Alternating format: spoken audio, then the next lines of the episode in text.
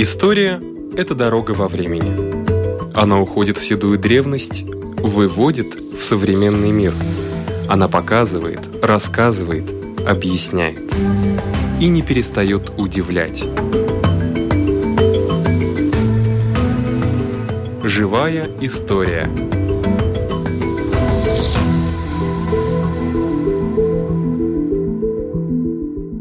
У микрофона Лидия Чера.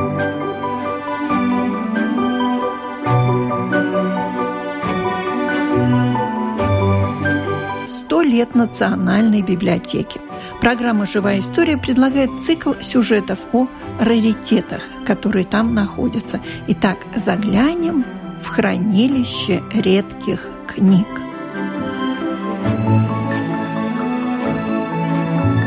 В библиотеке много отделов, и впервые я заглянула в фонды латышского фольклора.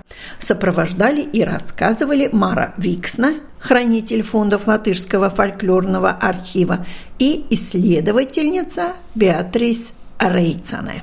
Я знаю, что для латышского народа фольклор – это основа основ. И хочется заглянуть в это хранилище. Если бы я пришла к вам, что бы вы первое мне рассказали? Обратите внимание, сказали бы вы, вот именно на этот предмет. Самое дорогое у нас э, шкаф Дайнов, оригинал, потому что это картотека, книги, которые для всех латышей как э, Библия. Этих шкафов Дайн, по-моему, четыре всего. Нет, трое только. Один находится в Воронеж, один музей Кришана Барона и оригинал у нас только две копии. То есть у вас самое-самое самый оригинал. Да, так, самый, ну, первый, настоящий оригинал. А там что-то есть в этом шкафу сейчас? Все удивляются, что там все осталось, и все так есть, как было во время Кришана Барона. Как он положил, так все и там стоит. И потому библиотеке даже удивляется, что мы на пятом этаже показываем такое ценная экземпляр. Экспонат, скажем так. У нас это не экспонат, это у нас рабочий инструмент, как Кришану Барону. То есть вы до сих пор туда заглядываете и что-то сравниваете. А Гришин Баран переписывал дайны, ведь он же собирал со всей Латвии эти дайны. Он их потом своей рукой переписывал или оставлял в оригинале? Есть и оригинале, и есть, которые он сам переписывал, но главное, что он только собирал, ему прислали. И в шкафе дайнов можно найти тысяч имена, которые были или сказители, или собиратели, и он много переписал, ну, может, третья часть, потому что он все время с этим работал. Но когда он мог порезать и оставить только маленький листочек оригинале, тогда он так и оставил. И те, которые собирали немножко попозже, они уже присылали ему. Ему надо было только резать, чтобы мог поставить шкафу лист А4 надо было порезать на 16. Листья были очень а, большие. 16 маленьких карточек. Один листочек 3-11 сантиметров. Почерк какой был у Крышина барона? Разобрать можно было? Самый лучший почерк какой можно. Серьезно? Да. Мы покажем вам. Хорошо. Маленькие-маленькие буквочки. Но, но все так, разобрать можно. Все можно разобрать. Каллиграфический а, Да, почерк. да. А те, которые описали там и старались мелким почерком написать, все-таки где-то они перешли ту черту, и что-то длиннее было, надо было отрезать и чуть поправить. Он жил в Москве, шкаф тоже делали в Москве. Он сам создал проект, и какой-то немец ему сделал этот шкаф.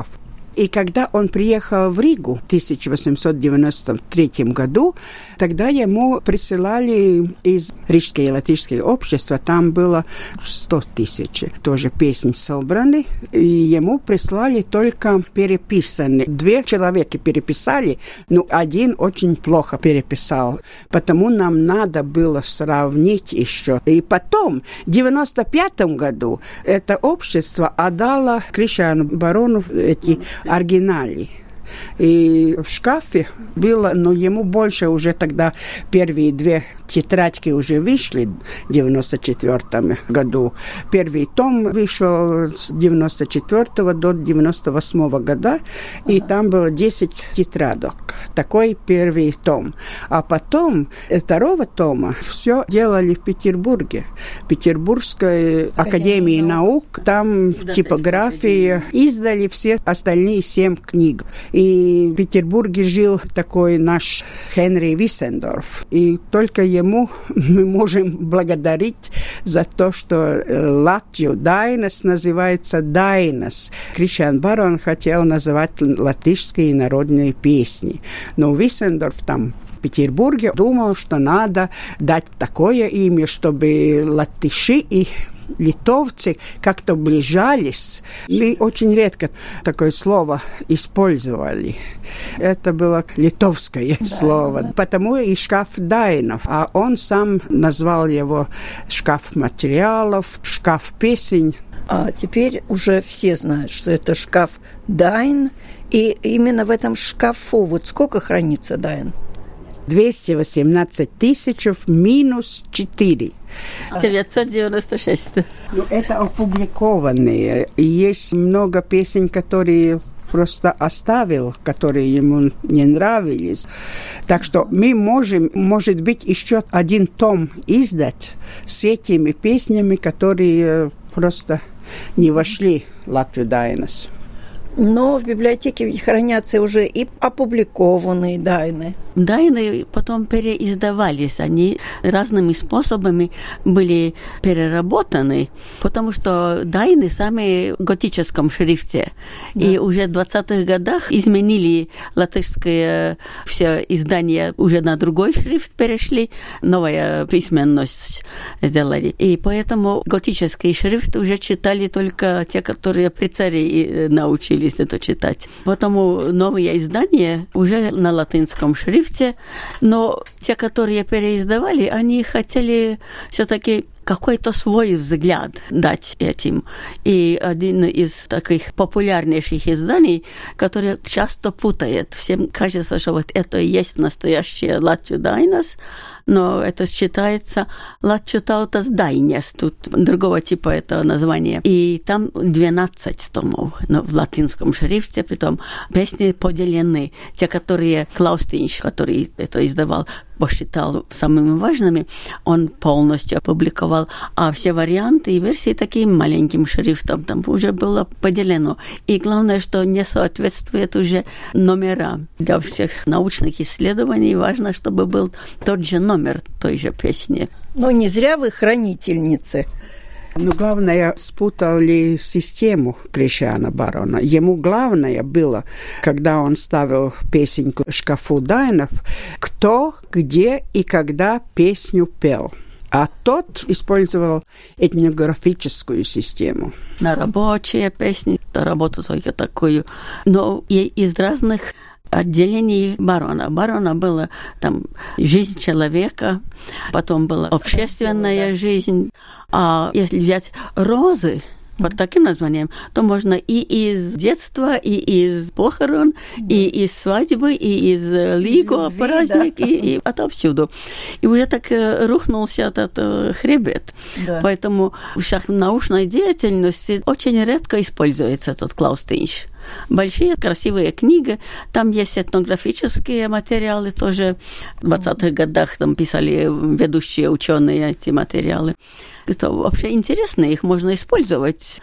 Но это уже так, это если вы хотите. или как это, ремейк, как сейчас ну, говорят. Ремейк просто получается, да. Как будто есть, но если надо сравнивать, надо искать очень, mm-hmm. сложно искать. Ну что, с Бароносом легко работать, потому что имеется Дайнус Капис ЛВ. Мы на своем компьютере постучите, и вам выйдет любую песню, какую вы только пожелаете. И в Дайнах это 35 500 типов песни. В типе можно быть в самых длинных типах что-то 120 вариантов, в самых коротких одна песенка – одновариантный такой. Но в основном это так 20 вариантов, 10 вариантов вот эти песенки. Ну и еще песни мы делим по строкам. Длинные песни, короткие песни. В основном это классическая дайна, это четверостишие. Ну и мы считаем классическое те до 10 строк, которые есть. А уже если за 10, тогда мы считаем это длинная песня. Ну и то, до 100 строк можно дойти эти песенки. Особенно свадебные. Там как начинает, куда везли, как везли, и кто там по дороге повстречался, и как там в конце. Да, да, да, да, это можно петь и петь и петь. Есть такие песни, сейчас еще живы, я знаю. Можно петь и петь с продолжениями. Мы сегодня, наверное, все-таки остановимся на шкафе Дайн. Дальше мы сейчас не пойдем. Шкаф Дайн Кришьяна Барона был занесен Латвийской национальной комиссией ЮНЕСКО в Международный реестр в 2001 году. В нем хранится символ латышской культуры – рукописные народные песни. И это признание того, что Дайны все еще живая и значимая ценность как культуры Латвии – так и всего мира.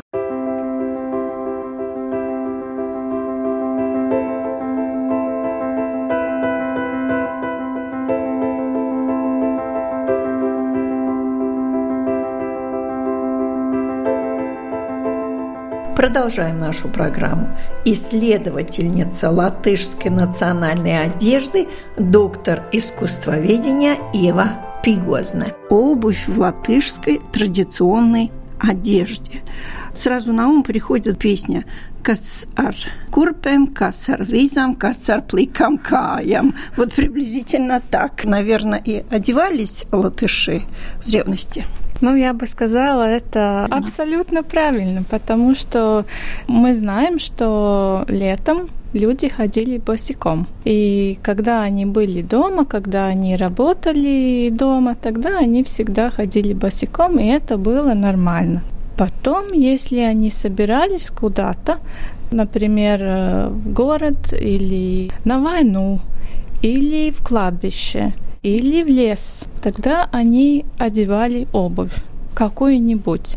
И кажется, что одна из самых популярных была лапти. Визис – это и есть лапти? Это и есть лапти. Они всякие, есть из веревок сделанные. Эти из веревок носились только зимой. Когда очень холодно, так э, это было, наверное, самой лучшей обувь, потому что снег не попадал к ногам, и они оставались сухие весь день. И когда люди приходили домой вечером, тогда они снимали эти лапти, и Сухие. до следующего утра они уже были сухими. И опять могли одевать. И... Это лапти сделанные из чего были? Из веревок? Из веревок, да. По колу. Это та часть льна, которая... Да. После обработки льна да, она да, остается. Да, да. И вот такие...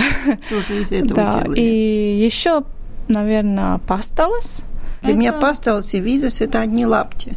Нет, это не то же самое. Пасталас сделаны из одного куска кожи. И там тоже есть всякие дизайны, потому что зимой они надевали пасталас, которые были с шерстью. И шерсть была снаружи, чтобы не скользнула. Чтобы а, не скользко было. Да, а если летом надо было, тогда без шерсти. И это уже была довольно хорошая обувь. Мы говорим сейчас о каком веке приблизительно? 19 До 19 до 19 и даже начала 20 потому что эти самые обыкновенные обуви, они у нас те же самые, наверное, тысячи лет. Потому mm-hmm. что первые пастолос мы уже находим в археологических раскопках X века так что они вообще не изменялись. Наверное, такой дизайн очень хороший был.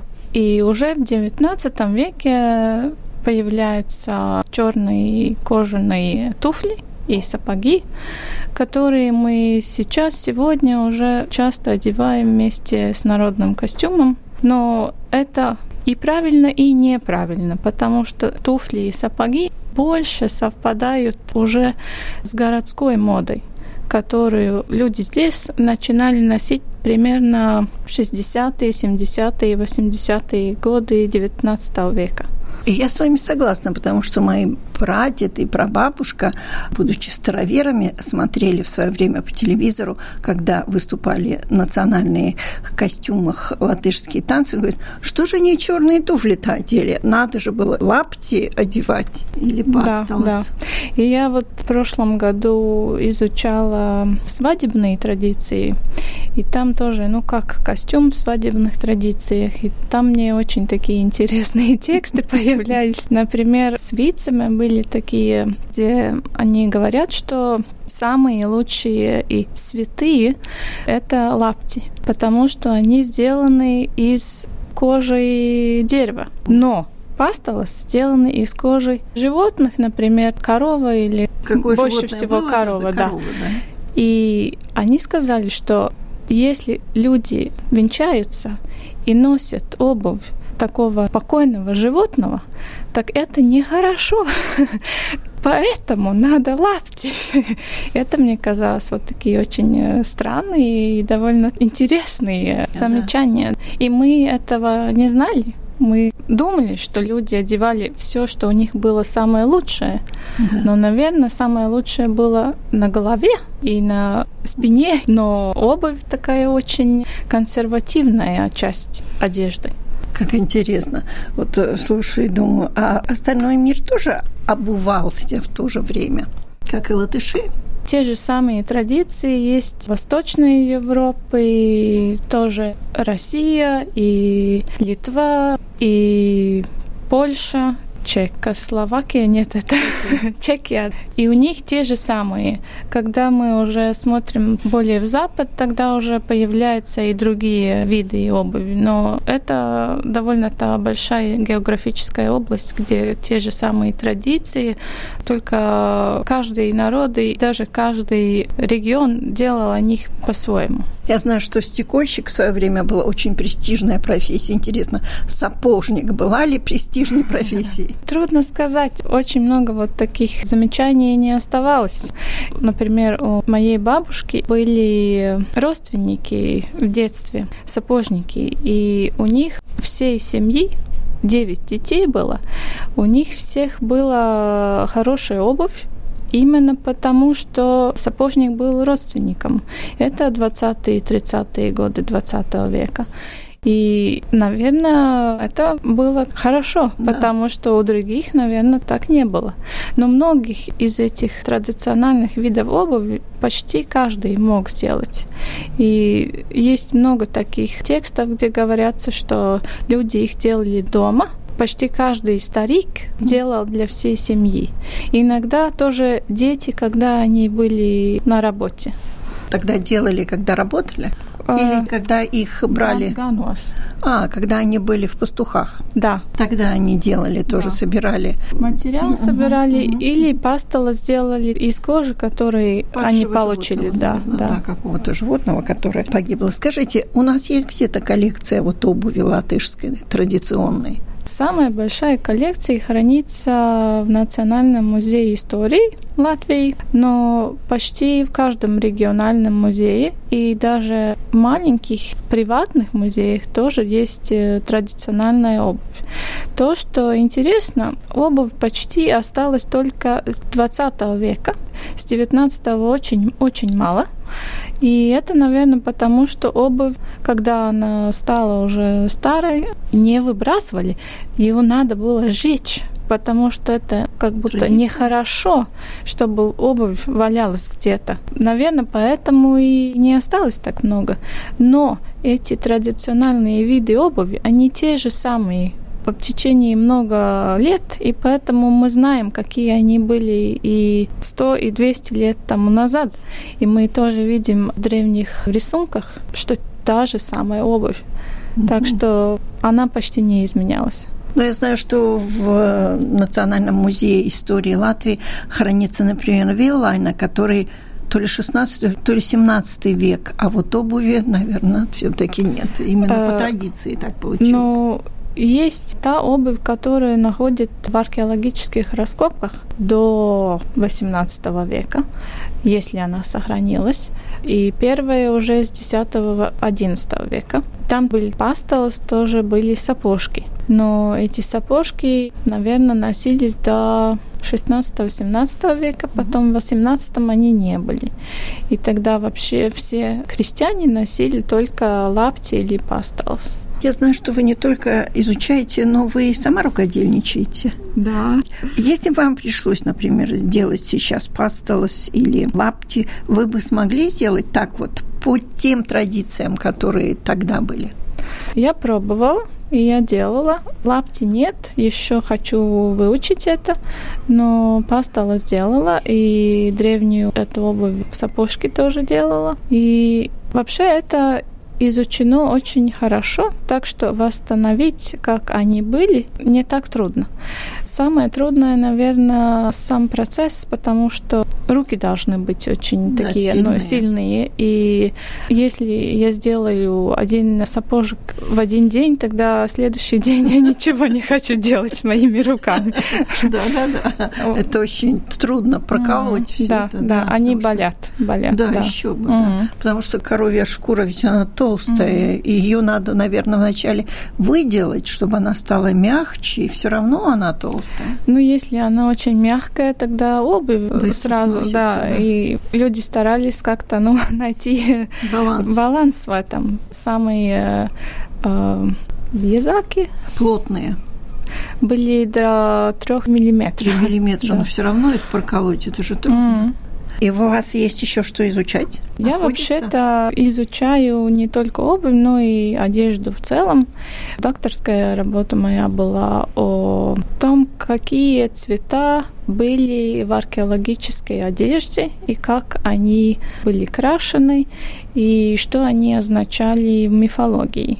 И сейчас у меня начинается большой проект, в котором я выучаю латгальскую одежду XIX века, потому что и мои предки из Латгалы, и я знаю, что латгальская одежда не очень выучена, и поэтому мне это очень интересно. У нашего микрофона была исследовательница латышской национальной одежды, доктор искусствоведения Ева Пигозна.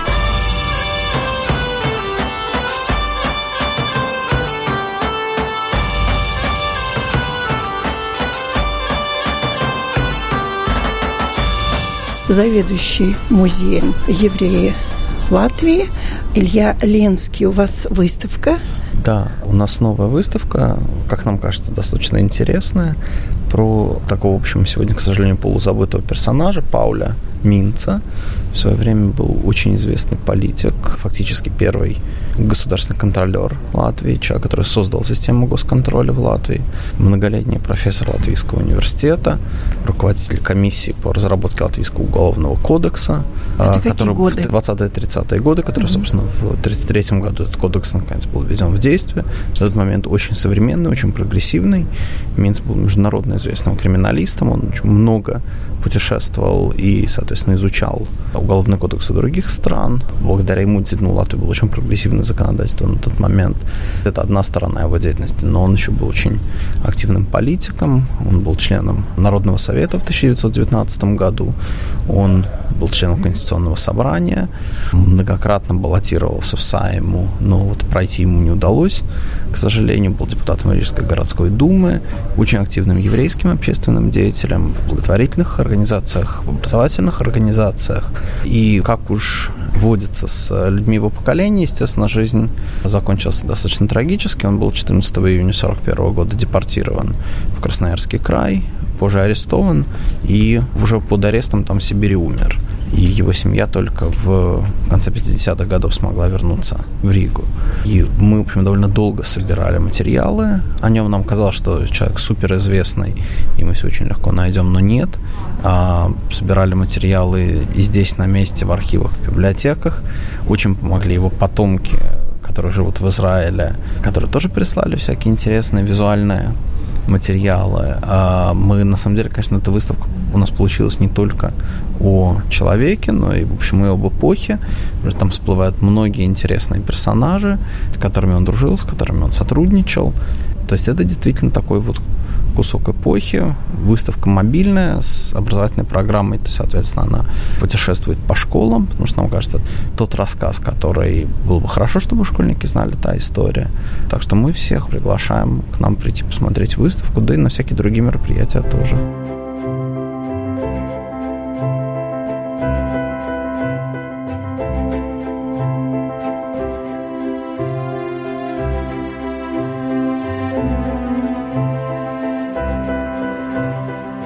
Ну а теперь перенесемся на другой конец Латвии, в Дундагу, где местные ремесленники готовятся встречать гостей со всей Латвии на дни путешественника. В рамках этих дней впервые по всему Ливскому побережью пройдут дни домашних кафе. Познакомимся с хозяйкой гостевого дома Пейтаги.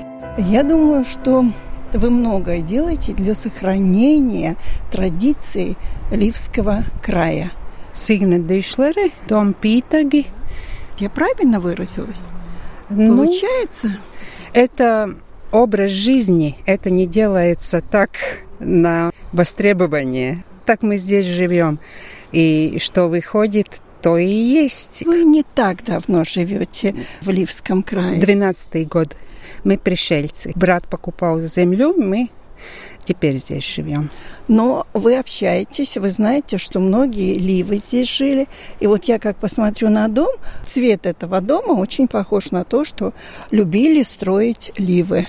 Ну, это обязательно. Это поселок. Это что, требование такое? Тоже, тоже. Но это внутренний же, серый. Это наша расцветка. Да. Ну, это зависит, что сами мы чувствуем. Это ливский, это же не что-то чужое. И я думаю, что у меня тоже есть суеты. Это моя прабабушка. Так что это все совмещается. Все народное, все, да. все сохраняется в культуре. И еще много в чем сохраняется, но чаще всего в рукоделии. Ну да, я зимой очень много вяжу и нравится. А в общем-то здесь ней тоже вяжут яркие тона. У латышей основной серый такой коричневый, коричневый а мне чем поярче, чтобы было зимой, чем себя порадовать. Порадовать, чтобы не надо чтобы было глаз на, на сером, на сером остановиться. Есть же много других расцветок, так и в жизни. И в основном рукоделием занимаются зимой, а летом? Летом гости, гости, гости. У вас гостевой дом, да? Да, у нас брюден майяс. Когда сами заезжают на долгое время, да. я их только отдаю ключи и сортируем мусор. Экология тоже. Ну, это не без этого, конечно. Потому что так дешевле, потому что это тоже идет многие годы. Без этого и обслуживаем. Если надо, можно завтрак сделать, можно что-то посоветовать, в округе увидеть. Это тоже очень важно. Много иностранцев. Их интересует не только Ливское, но и дальше в сторону Риги, в сторону Венспилса, что увидеть, что узнать. Ну, а еда, например, вы уже познакомились с ливскими блюдами или вы готовите европейскую еду?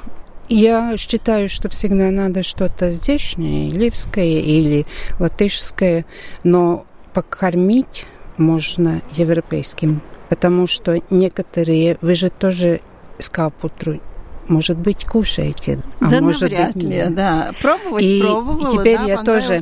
Ну, скландраусис очень вкусный, но да. когда его каждый день дают, тоже он надоедает. Так что можно найти новые нотки к старому новые дать это совместить.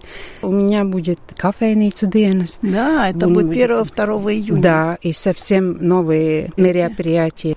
Не знаю, как будет, но будут давать. Сейчас будет по-латышски. Грубесар спети, ага. грубесар паровикам перловка с боровиками. А и... С литерскими боровиками. Они у меня ждут вас. Замороженные? Да. И это, я думаю, очень старинный рецепт, да. да. И Перловка все... сейчас все больше и больше уважения она очень вызывает. Вкусная. Она вкусная, она полезная, да. она женская мы каша. Уже, да, мы уже думаем, и, и дешевая, потому что есть некоторые, которые уже интересуются ценами, и это тоже немаловажно. У вас здесь будут эти дни? Кафе. Будут по всему побережью, примерно 20-25 домов будет открыты, и у нас тоже. И без этого мы еще думаем, как развлекать людей. Будет выставка Дурайни варежек. Одна мастерица из Риги выставку привезет. Что-то сама, может быть, покажу. И Анитра Томас со своими бусами будет. Да, ну, те, так которые что вареные бусы. Да, да так что, что... Теплые вареные бусы. Да. И что-то еще для детей надо. Еще месяц время я очень много об этом думаю. Да. Это важное мероприятие. Больше как реклама. Ну, это не важно, что реклама. Но, Но надо вы же должны подготовиться. Да. Я, и самое печальное бы, если в те дни шел дождь. Это тогда. Все время мы как-то за спиной, я думаю, хотя бы дождя не было. Это очень важно во всем туризме. Потому что вы собираетесь под открытым под небом. Под открытым у нас да. нету помещений, помещений для гостей. Они там будут ночевать. Надо палатки делать, и это еще продумать все. Удачи вам, Спасибо. и чтобы не было дождя. Спасибо, это самое главное. Всем нам хорошей погоды и хорошего настроения. Всего вам доброго.